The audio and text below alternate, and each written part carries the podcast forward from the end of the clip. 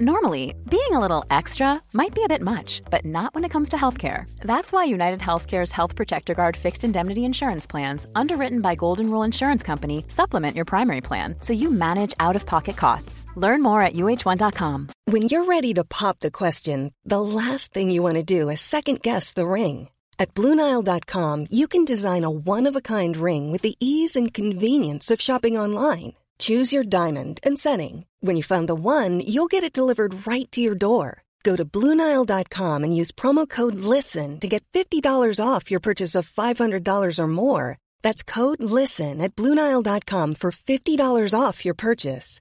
Bluenile.com code LISTEN. Burrow's furniture is built for the way you live. From ensuring easy assembly and disassembly to honoring highly requested new colors for their award winning seating, they always have their customers in mind. Their modular seating is made out of durable materials to last and grow with you. And with Burrow, you always get fast, free shipping. Get up to 60% off during Burrow's Memorial Day sale at burrow.com slash ACAST. That's burrow.com slash ACAST. burrow.com slash ACAST. Palmemordet, årskrönika för 2019. Sveriges statsminister Olof Palme är död. 90 000. Ja, det är mord på Sveavägen. Hörde de säger att det är Palme som är skjuten. Mordvapnet med säkerhet är en Smith Wesson, en revolver kaliber .357. Inte ett svar. Det finns inte ett svar. För jag har inget och jag har inte varit Varför skulle jag Polisen söker en man i 35 till 40-årsåldern med mörkt hår och lång mörk rock. Välkomna till podden Palmemordet som idag görs av mig, Tobias Henriksson på PRS Media. Och som ni kanske hör är min röst inte den bästa på grund av sjukdom och jag har egentligen fått talförbud av läkarna. Så det här avsnittet kommer att bli lite annorlunda. Då jag inte kommer att kunna läsa in några längre texter blir det här istället en krönika över lite av det som hände i podden 2019 med klipp från intervjuer och andra avsnitt. Vi vill ju komma ut varje onsdag och för att inte missa den första veckan på över 200 avsnitt så valde vi den här lösningen istället. Att vi kommit ut så länge beror i mångt och mycket på att ni har sponsrat oss på patreon.com palmemodet. Där kan man donera en summa per avsnitt och också få möjlighet att delta på nästa års Palmevandring. När det här spelas in är alla platser till den 28 februari 2020 bokade. Men se till att bli sponsor nu för att ha möjlighet att följa med oss nästa år. Och apropå Palmevandringen. 2019 hade vi riktigt intressanta gäster med oss. Bland annat mordplatsvittnet Lars Jeppsson och såväl Jan Stocklassa som hans medhjälpare i boken, Lida. Men självklart fanns även jag och Dan på plats och vi intervjuades av TV100s Thomas Jutare Näve. Jaha, välkomna ska ni vara. Idag har vi eh, två eminenta personer från eh, en podd som handlar om Palmemordet. Vi har Tobias Henriksson och Dan Hörning. Ja. Och idag sitter vi på en restaurang på Sveavägen 47. Om 40 minuter klockan 18 så kommer vi att ha i, ja, ungefär 60, 70, 80 personer som kommer att prata om Palmemordet och äta mat samtidigt. Och varför är vi här Dan? Jo, på årsdagen då av Palmemorden, den 28 februari varje år, så träffas vi här och det är egentligen tack till alla privatpersoner som sponsrar podden Palmemordet. Mm. Så att alla som har varit med och bidragit under året, för podden lever på donationer från, från lyssnare. Så då träffas vi här, vi äter och sen går vi en, ja, en vandring i paret Palmes spår och sen följer vi gärningsmannen så kommer vi upp på åsen. Mm. Mm. Och sen tar vi lite samkväm upp på båsen och sen går vi ner till mordplatsen då till 23-21 och där det ofta är ganska mycket folk. De människor som kommer hit idag, är det privatspanare eller är det... Det finns ju onekligen en del privatspanare, det gör det. Men många är bara intresserade av fallet. Mm. Jag eh, gör ju reklam för fallet väldigt ofta i mina andra poddar, till exempel Seriemördarpodden. Mm. Eftersom det är världens största olösta mordfall sett till mängden utredningsmaterial. Mm. Så, eh, ja.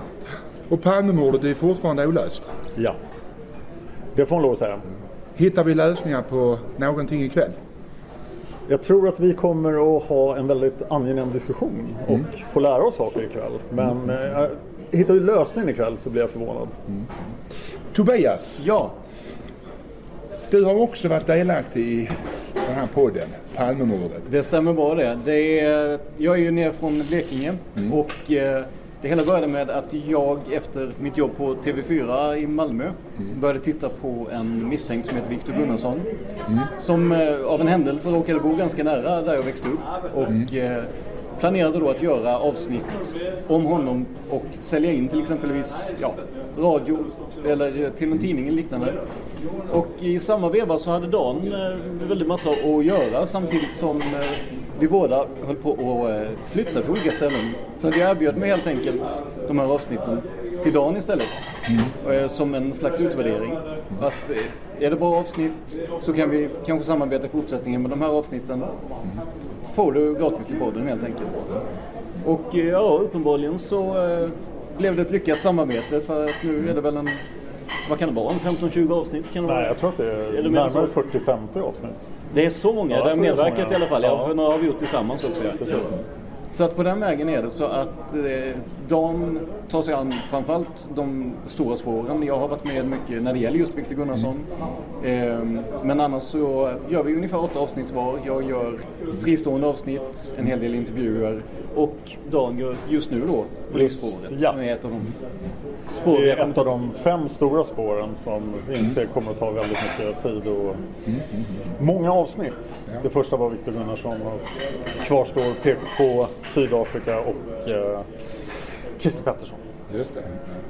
Varför lägger man sekretess på 70 år på, på, på det här materialet? Vad är det som finns där som skulle kunna skaka om samhället? Den mesta sekretessen är ju bara vanlig förundersökningssekretess. Det är ju mm. egentligen slentriansekretess som drabbar alla mordutredningar. Mm. Men sen finns det ju andra saker. Mm. Men vi vet ju inte ens vilken sekretess olika saker är under egentligen. Jag kan, ju, mm. ja, jag kan bara säga att eh, vi eh, fick tillgång till ett stort material eh, via källor. Mm. Där, eh, ett antal pärmar helt enkelt med väldigt massa information. Och där hittade vi bland annat ett namn som eh, vi inte har hört talas om tidigare. Mm. Och begärde då ut de här förhören. Och förhören fanns, men vi fick inte ut dem. Eh, för att det var en pågående förundersökning. Mannen eh, är idag avliden. Det finns inga släktingar i, som vi känner till mm. i närheten. Och eh, Palmeutredningen vill inte specificera varför man gav avslag på det. Men eh, min känsla i alla fall är att de är ganska strikta med vad de släpper och inte. Och ibland kan det i alla fall för mig kännas lite, lite godtyckligt. Det är lättare mm. att inte hantera de här Mm. Och de har blivit striktare mm. den senaste tiden under just Petersson. Okay. Eh, men det här var, det vi vet om det här vittnet är att det är ett av de fem viktigaste ögonvittnena. Absolut. Och han är helt okänd. Helt okänd? Ja. Inte, ingen, för, inte för Palmeutredningen? Nej, inte för Palmeutredningen, men, alltså men för oss var han helt okänd. Och media? Ja. Jag har aldrig sett någonting i media om det. Nej, vi har, vi har letat i... Hur pass nära har den här personen varit mot? Det vet vi inte. Vi har, vi har inte hans förhör. Vi vet hans namn och han står på lista över fem superviktiga ögonvittnen där alla de andra fyra är han, han, var ett ögonvittne och togs med upp till kriminalvakten och skulle sen då mm. ha suttit i, ja, i förhör eller lämnat vittnesutsaga. Men det är, det är så långt vi kommer. Eh, trots eh, överklagande då så har vi inte kommit längre. Men åter till de eh, riktiga gästerna. Vi fick som första svenska media en intervju med Lida, den tjeckiska kvinna som hjälpte Jan Stocklassa i sina ansträngningar att komma närmare lösningen på mordet. Intervjun gjordes på engelska och jag sammanfattar den efteråt. Vi ska också tillägga att Lida egentligen heter något annat, men att vi använder det namn som hon gavs i boken. Can you please tell me a little bit uh, about uh, how how you met Jan professionally and how it came that you actually helped him with with all this stuff? Uh, so what happened? Jan found my profile on Facebook, and he contacted me first through Facebook. Then uh, we met in Prague, and that's where I learned about the story. That's where I learned what he is following and what he is trying to find out. And that's basically the resolution of, of the yeah, sure. murder of your Prime Minister of Palme. Yeah. Was it a hard uh, thing to decide to take on this task? Because I imagine it could be dangerous, could be time consuming. How do you, how did you think about that? Uh, so basically what happened jan told me what he is up to. Jan told me what he's doing what he's trying to find out. And it made sense to me the way that he was present, presenting the story and what his research was on. It just made sense to me. I i didn't think that he is someone who's trying to become famous or something he just wanted to find out the truth of what happened that time and i was actually uh, happy somehow that i was able to help him to to to, to find what was what was happening 30 years ago. So while in Sweden, um, you went, can I say, went undercover uh, to, uh, try to get some information from Jakob Tedelin, uh, the name he has in the book. Uh, uh, were you ever scared that something bad would happen to you? If you were almost alone with a guy that doesn't seem too nice. Well, I don't think I was scared at the time. Uh, I wasn't thinking about it. It, it could be dangerous, really, because if I would think that, I don't think I would ever go there. But for me, it was like there's there's like something that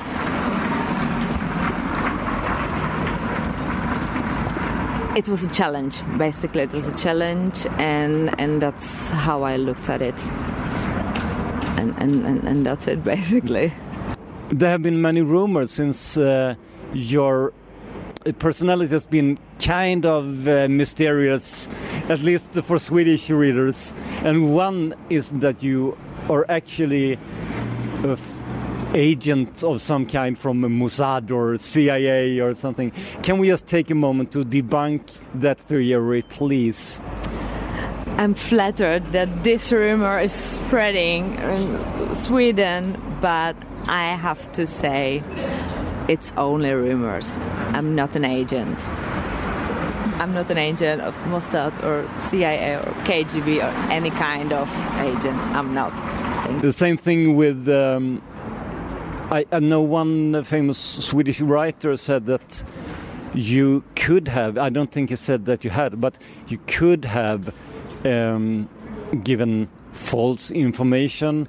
I don't know the reasons. I've never found out why you, you should do that, but he said you could maybe have done it to uh, keep Jan off track from his original story. Uh, what do you say about that? I can only tell that there there are millions of people in the world and there will be millions of point of views and everyone can think what they want to and that's it. I know who I am and who I'm not and that's the most important for me and anyone can think what they want to. I'm not an agent. Last question. Do you think that the murder of Olaf Palme will be solved? I hope so, and I wish that for all the Swedes. Yes, I, I, I believe it will be. Yes. Intervjun började med att jag frågade hur Jan och hon möttes och hur det kom sig att hon hjälpte honom. Det visade sig att Jan hittade henne på Facebook och kontaktade Lida. De träffades i Prag och hon fick reda på storyn om mordet på Olof Palme. Jag frågade om det var svårt att tacka ja till med tanke på att det kan vara både farligt och tidsödande. Lida säger att Jan var tydlig med vad han ville med sin research och hon tyckte att det lät vettigt.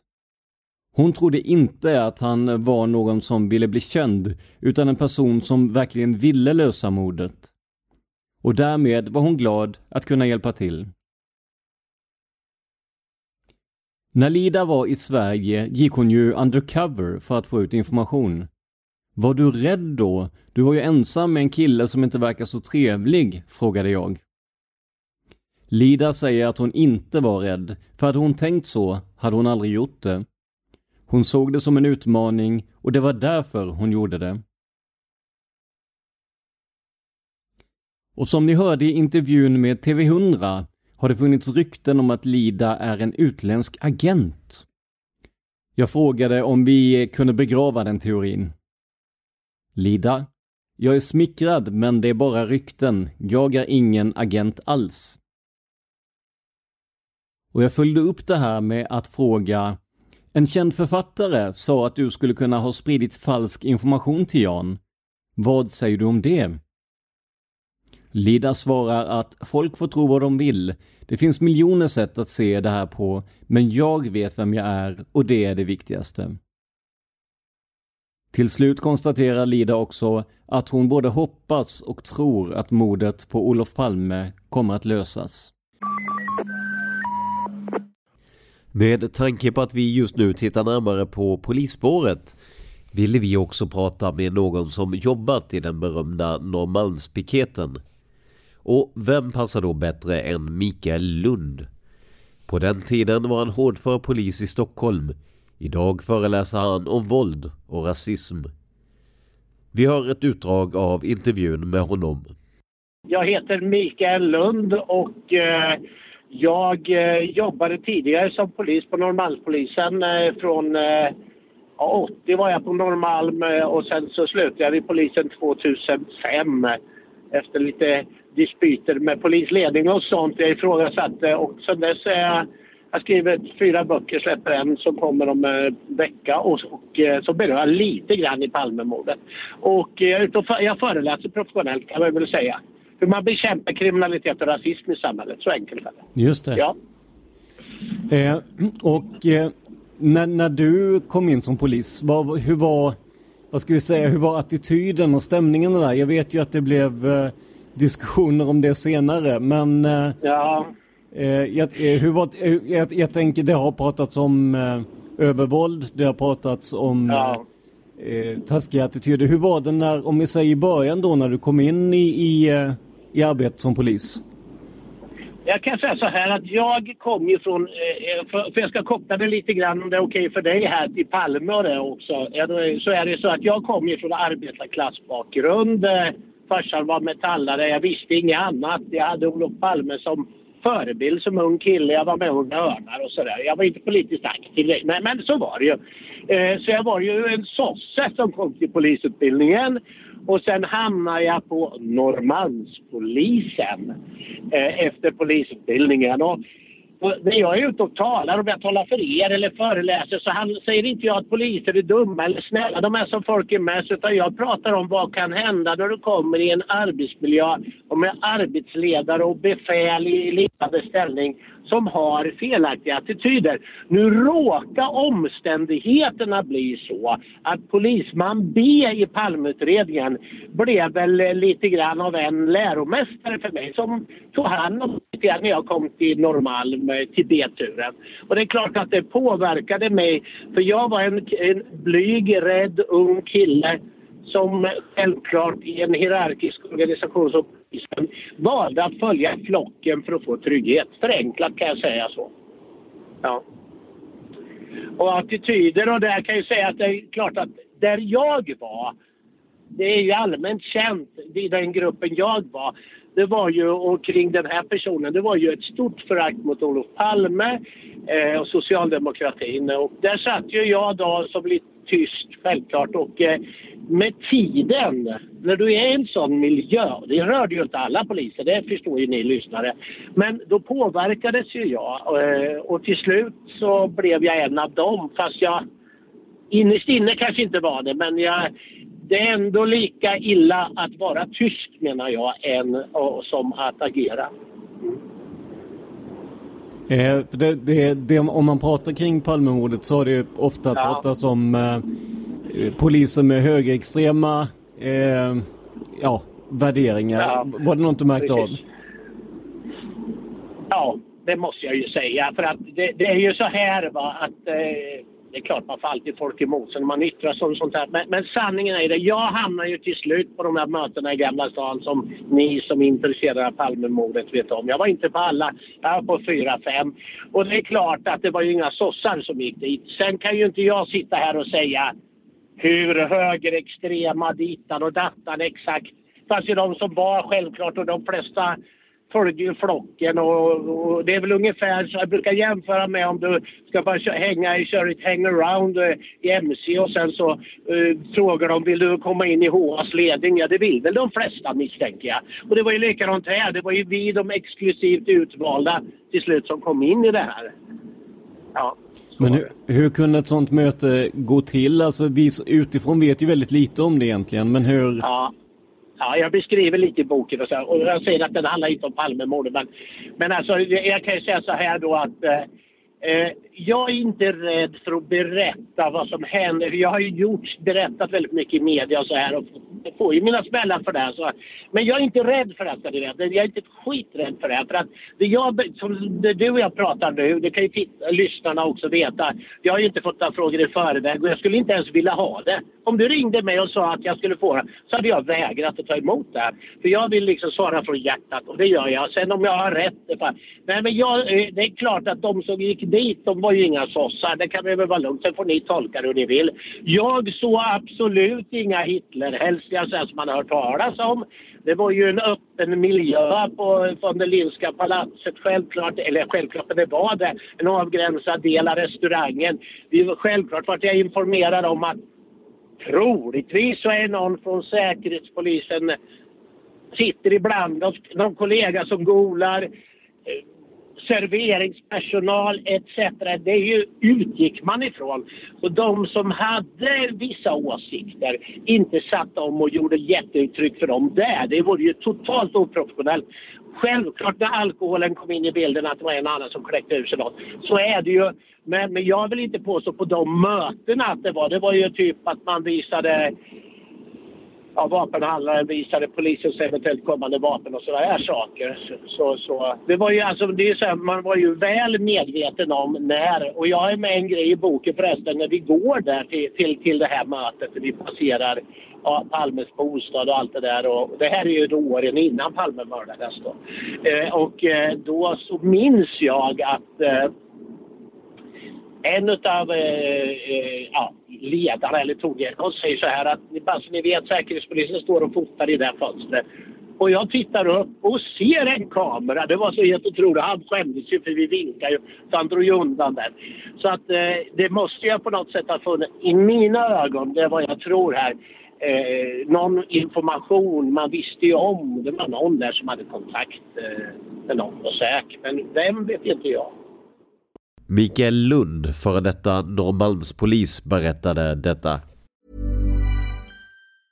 Mother's Day is around the corner. Find the perfect gift for the mom in your life with a stunning piece of jewelry from Blue Nile. From timeless pearls to dazzling gemstones, Blue Nile has something she'll adore. Need it fast? Most items can ship overnight. Plus, enjoy guaranteed free shipping and returns. Don't miss our special Mother's Day deals. Save big on the season's most beautiful trends. For a limited time, get up to 50% off by going to Bluenile.com. That's Bluenile.com. Hi, I'm Daniel, founder of Pretty Litter. Did you know cats tend to hide symptoms of sickness and pain? I learned this the hard way after losing my cat, Gingy. So I created Pretty Litter, a health monitoring litter that helps detect early signs of illness by changing colors, saving you money and potentially your cat's life. Pretty Litter is veterinarian developed, and it's the easiest way to keep tabs on your fur baby's health right at home. Go to prettylitter.com and use code ACAST for 20% off your first order and a free cat toy. Terms and conditions apply. See site for details. How would you like to look five years younger? In a clinical study, people that had volume added with Juvederm Voluma XC in the cheeks perceived themselves as looking five years younger at six months after treatment. Look younger, feel like you. Add volume for lift and contour in the cheeks with Juvederm Voluma XC. Reverse signs of aging by adding volume to smooth laugh lines with Juvederm Volure XC. For important safety information and to find a licensed specialist, visit juvederm.com. That's J U V E D E R M.com. Not for people with severe allergic reactions, allergies to lidocaine, or the proteins used in Juvederm. Common side effects include injection site redness, swelling, pain, tenderness, firmness, lumps, bumps, bruising, discoloration, or itching. There's a risk of unintentional injection into a blood vessel, which can cause vision abnormalities, blindness, stroke, temporary scabs, or scarring. Talk to a licensed specialist to find out if it's right for you. Men vi hann också med en massa annat. Till exempel fick vi med hjälp av professor Henrik Ankarsäter möjligheten att gå på djupet vad gäller en mördares eller mordmisstänkts psykologi. I det här fallet rörde det Viktor Gunnarsson, en inte helt obekant figur för er lyssnare. Jag började med att fråga Henrik hur han kom in på ämnet Palmemordet. Ja, det är tack vare er podd kan jag säga. Ja, trevligt. För, förra året så, eh, så hade jag en eh, vanlig vårinfluensa och eh, låg i sängen utslagen och behövde någonting att lyssna på. Jag orkade inte läsa så jag började leta runt efter podcast och trillade in på er podcast. Och eh, blev direkt eh, fångad av eh, mysteriet Palmemordet och alla de intressanta personer som, som rör sig omkring i det, det här eh, händelsen och, och gärningsmannaprofilarbetet förstås också som jag jobbat en del med. Vi har pratat lite du och jag kring eh, eh, Viktor Gunnarsson där ju. Eh, nu eh, är ju han avliden sedan ett antal år tillbaka. I vilken mån går det att säga någonting om en persons eh, psykiska hälsa eh, när man inte kan prata med honom själv så att säga? Det är väldigt viktigt att säga att det går inte att ställa en klinisk diagnos eller att säga någonting alls med säkerhet. Samtidigt så har psykiatrin en unik kunskap om människor och mänskligt beteende, precis som psykologin, och kommer ju på så sätt eh, ofrånkomligen till användning när det gäller att förstå historiska personer som Churchills depressioner och alkoholism till exempel. Och det, det, är svår, det är svårt att låta bli att använda vår kunskap. Och etiskt kan man ju säga att som läkare så får man inte uttala sig om enskilda personer som, som är i livet eh, utan att ha tillräckligt underlag. Och det, det gäller egentligen personer som är avlidna också. Men man kan säga att man gör ändå i praktiken ett undantag för avlidna historiska personer där, där det publiceras artiklar även i vetenskapliga tidskrifter och så där man har diskuterat eh, då enskildas psykiska problem. Och man får väl säga att vi har ju pratat om detta en del när det gäller Viktor Gunnarsson och Eh, i hans fall så han är ju en offentlig person, även om han blev det mot sin vilja. Eh, det, var inte, det var inte hans plan att, att bli en offentlig person, men när han väl var i offentligheten så skrev han ju böcker och ställde upp på intervjuer och eh, har ju också tyvärr lämnat ett väldigt negativt eftermäle eh, och är fortfarande misstänkt för Palmemordet i, i vissa kretsar och vissa skribenter och så. så. Jag kan tycka att allt detta sammantaget ändå gör att, att det kan vara rimligt att diskutera honom på ett sätt som eh, som i bästa fall kan ge en bättre förståelse för, för vem man var men de största svårigheterna då, är det just att inte träffa personen? Att inte kunna prata med personen? Eller vilka, vilka svårigheter kan man stöta på i sånt här jobb?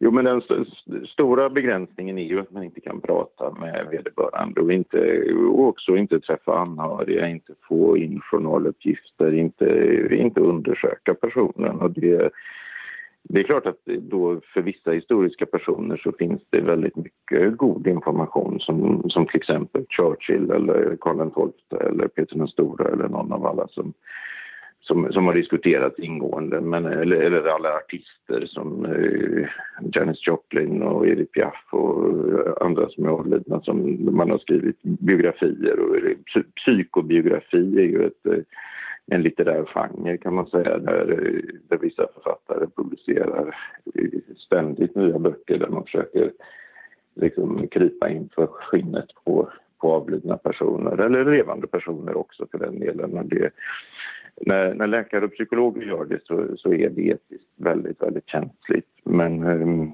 eh, man kan ändå, jag tycker, ska man göra det så ska man göra det bra. Eh, det är väldigt, eh, väldigt olyckligt att eh, bara spekulera och framförallt om man använder sin sin yrkestitel eller professionalitet för att få ett övertag i att spekulera om andra människors hälsa. Men eh, om man gör det med dem medveten om alla de begränsningar som finns så tycker jag, jag tror att det helt enkelt är ofrånkomligt att man, att man också använder psykiatri och psykologi för att förstå historiska personer bättre. Den bild då som, som, jag, som gjorde att jag direkt började intressera mig för, för Viktor Gunnarsson när jag lyssnade på podden, det är ju att jag känner igen typen Viktor Gunnarsson eh, i så som man framstår i de här förhören och det, det man redan väldigt snabbt får veta om honom.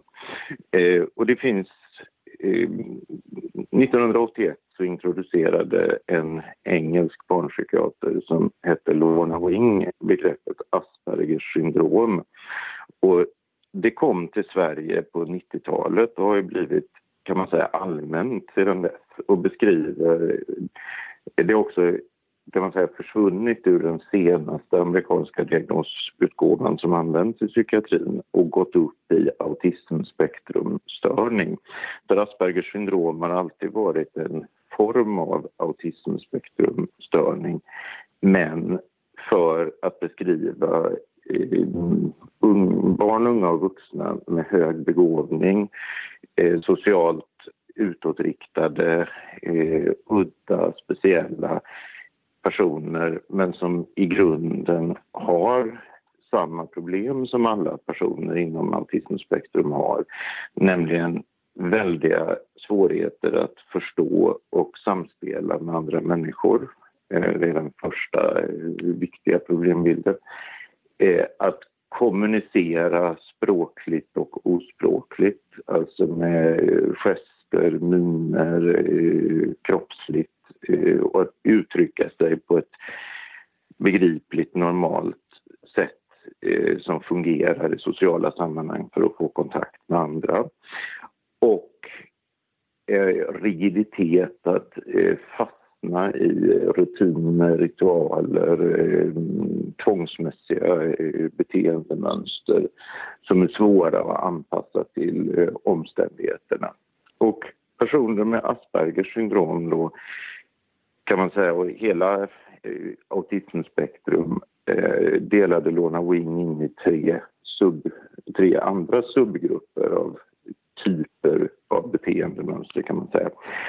Och då talade hon om de vanligaste som var eh, personer som var aloof, alltså eh, tillbakadragna, som inte söker kontakt med andra människor, som är nöjda med sitt eget sällskap och att eh, gå upp i sina egna intressen och eh, få hålla på med dem i fred. Eh, de passiva personerna som egentligen trivs med andra människor men som inte tar initiativ till socialt samspel och slutligen de active but odd personerna som är en liten ovanlig undergrupp men som då beskriver personligheter som väldigt starkt söker socialt samspel eh, som hela tiden försöker få kontakt med andra människor som eh, söker upp främlingar, som är väldigt måna om att ha vänner, som har svårt att vara ensamma hemma, som har svårt att syssla med, egna, eh, med saker på egen hand utan att ha andra människor omkring sig. Och, men som ändå hela tiden framstår som udda, konstiga, märkvärdiga ufon är ett begrepp man ofta har. I, eh, och eh, för mig så, så kände jag, eh, alltså jag kanske har haft 10-20 sådana här patienter i, som, som jag har känt väldigt väl och som har varit precis som Viktor Gunnarsson eh, i sitt sätt att fungera och hantera andra människor och så.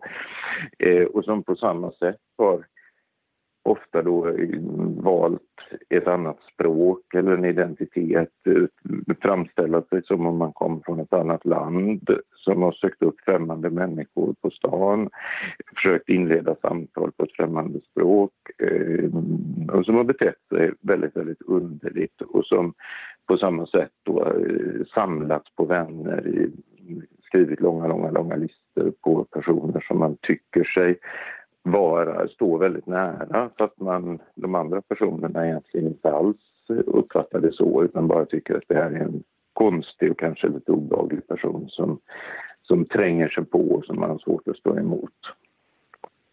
Och det som är väldigt vanligt hos de här personerna också är ju att de har övervärdiga intressen som, som tar all deras tid och som de talar om hela tiden. Och det vet vi ju att Viktor Gunnarsson gjorde. Han han bör, började ju väldigt ofta prata om politik eller religion med vem som helst han träffade egentligen, och helt oavsett situation och om den personen pratade med var intresserad av detta överhuvudtaget. Är det, är det där någonstans man kan landa eller vad är, vad är det du har kommit fram till just när det gäller Viktor Gunnarsson då? Jag vet att du eh, planerar ett, ett eh, ja, en rapport, ett blogginlägg om det här också. Eh, kan du säga mer om det?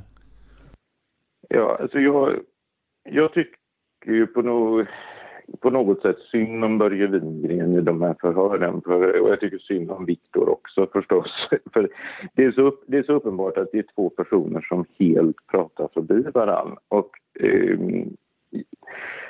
alltså, det är väldigt typiskt för människor med autismspektrumstörning att inte kunna värna sig i polisförhör eller försvara sig när de blir misstänkta för brott. De vet inte hur de ska svara för att inte göra sin situation värre.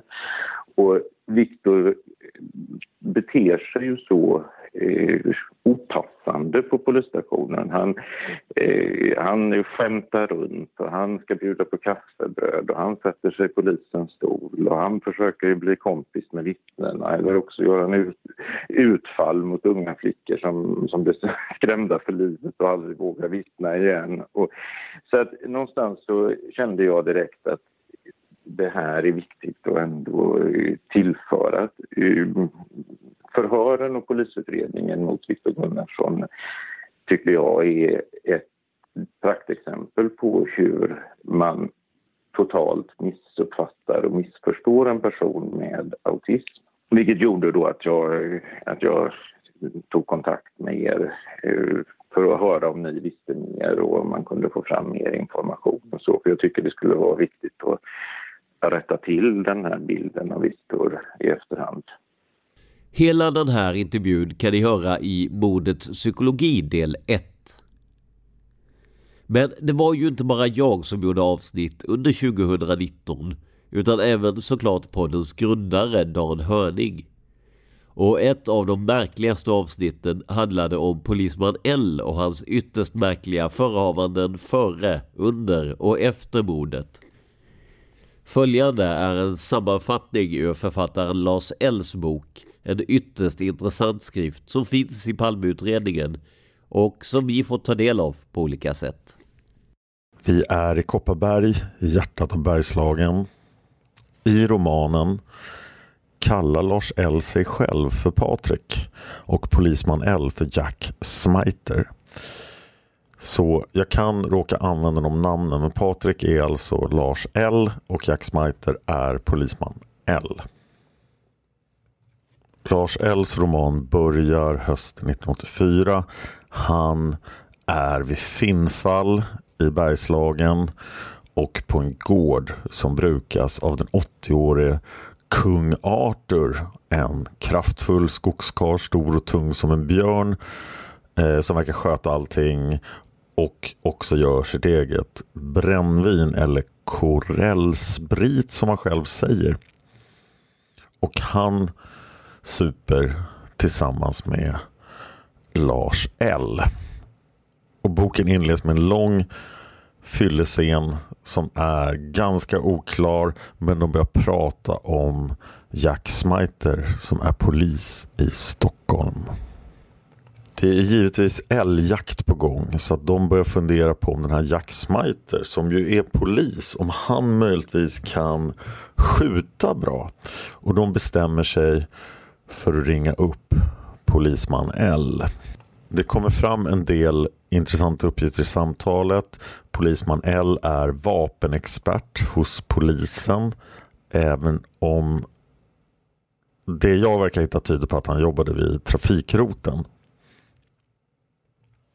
Och Patrik, alltså Lars L, går i god för polisman och säger att han skulle vara bra att ha på älgjakten och han kan dessutom supa. Och här följer då lite dialog från romanen när Lars L och Patrik börjar prata med varandra. De verkar ju känna varandra sen tidigare. Tjena Jack, det är Patrik. Patrik, vad roligt att du ringde.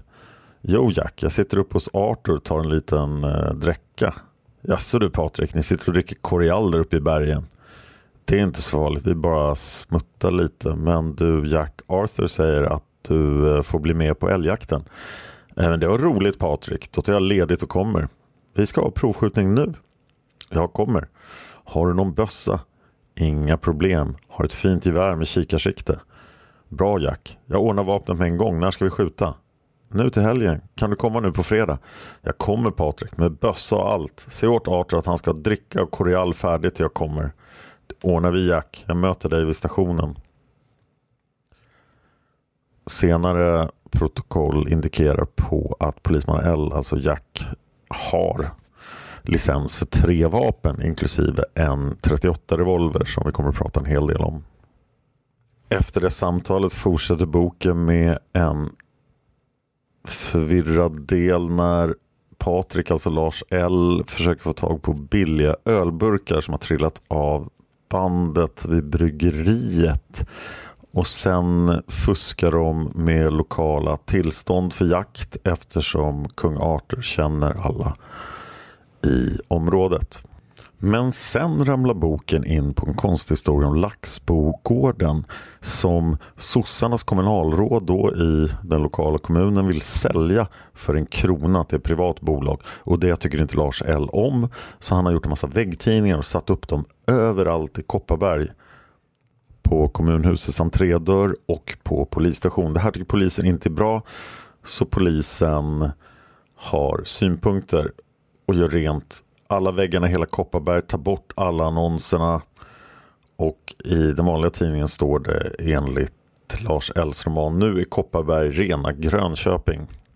Och sen ramlar Lars L på en, på en beskrivning av Patrik, alltså av sig själv. Så nu läser jag från romanen igen. Mannen som kommer ut ur Arthurs hus är lång och gänglig. Håret är mörkt som på en tattare med mörka brinnande ögon. Han är en medelålders man men han rör sig som en yngling och han är alltså 56 här. Hans röst är mörk, kraftig och mycket distinkt. Han ger ett intryck av att vara drömmare och filosof. Är Patrik en som uppsöker äventyret? En som utmanar ödet på dödlig duell? En som prövar gudarna och frestar deras tålamod? Svaret är ja, men det är värre än så. Patrik är ett gudarnas sorgebarn. Ja, faktiskt ett riktigt sorgebarn. Och sen har Patrik trotsat gudarna. Men sen kommer det här. Gudarna kommer att tvinga in honom i en huvudroll i en dramatisk världshändelse. Hans upplevelser, upplevelser ska bli så otroliga att andra människor kommer att starkt betvivla sanningshalten i hans upplevelser. De är mycket nyfikna hur det nu ska bli med Patriks obekymrade leende och sorglösa inställning till livet. Hela den här historien och mer ur boken hör ni i avsnitten om polisman L. Till sist måste jag också nämna mordet i media. En serie där jag tittar närmare på hur media rapporterade om statsministermordet vid olika tidpunkter. Något som verkligen slog an hos mig var när jag läste upp det första radiomeddelande som gick ut om händelsen. Det kändes lite som att historiens vingeslag svepte över en. Av rättighetsskäl får vi inte spela upp mer än det lilla vi har i intro och outro. Men så här lät det i Mordet i media del 1. Sveriges statsminister Olof Palme är död. Han sköts ikväll i centrala Stockholm. Olof Palme sköts ner i korsningen Tunnelgatan Sveavägen och han dog senare på Sabbatsbergs sjukhus.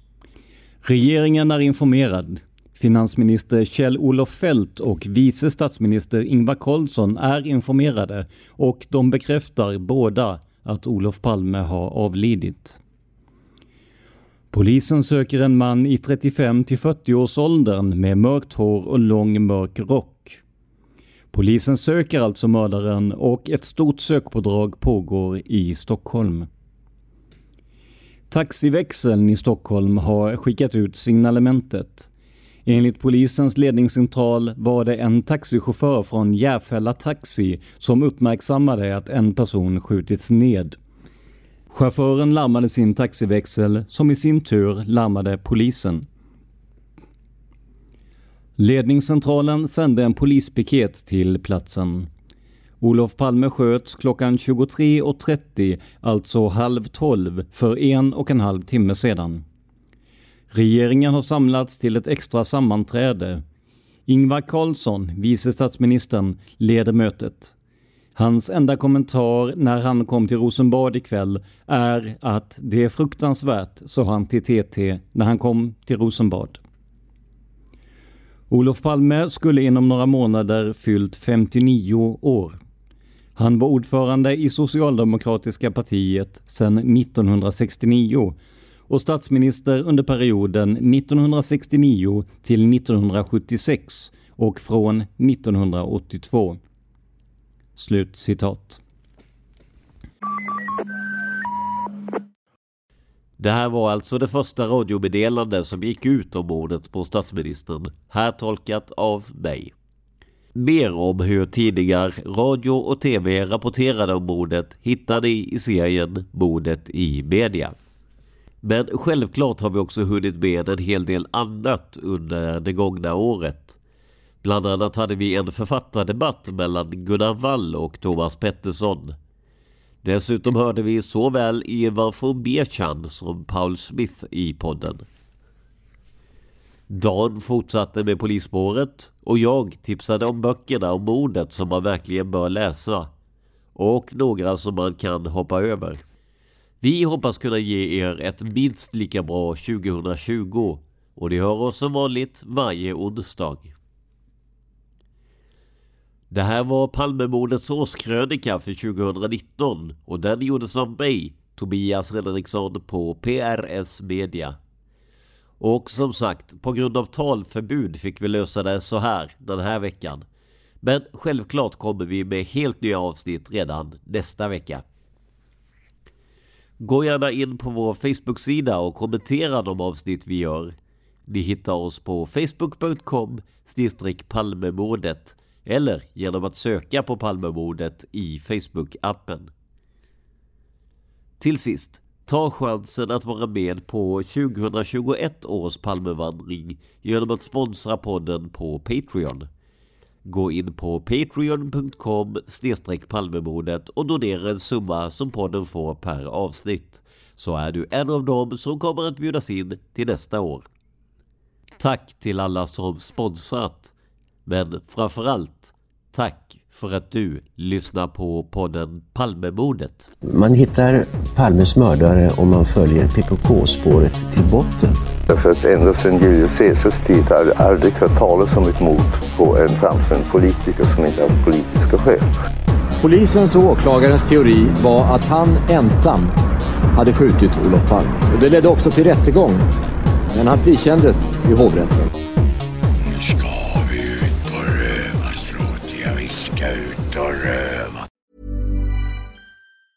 Planning for your next trip? Elevate your travel style with Quince. Quince has all the jet setting essentials you'll want for your next getaway, like European linen, premium luggage options, buttery soft Italian leather bags, and so much more. And it's all priced at 50 to 80% less than similar brands. Plus, Quince only works with factories that use safe and ethical manufacturing practices. Pack your bags with high-quality essentials you'll be wearing for vacations to come with Quince. Go to quince.com slash trip for free shipping and 365-day returns. Normally, being a little extra can be a bit much, but when it comes to healthcare, it pays to be extra. And United Healthcare makes it easy with Health Protector Guard fixed indemnity insurance plans. Underwritten by Golden Rule Insurance Company, they supplement your primary plan, helping you manage out of pocket costs without the usual requirements and restrictions like deductibles and enrollment periods. So when it comes to covering your medical bills, you can feel good about being a little extra. Visit uh1.com to find the Health Protector Guard plan for you. Planning for your next trip? Elevate your travel style with Quince. Quince has all the jet setting essentials you'll want for your next getaway, like European linen, premium luggage options, buttery soft Italian leather bags, and so much more. And is all priced at 50 to 80% less than similar brands. Plus, Quince only works with factories that use safe and ethical manufacturing practices. Pack your bags with high-quality essentials you'll be wearing for vacations to come with Quince. Go to quince.com/pack for free shipping and 365-day returns.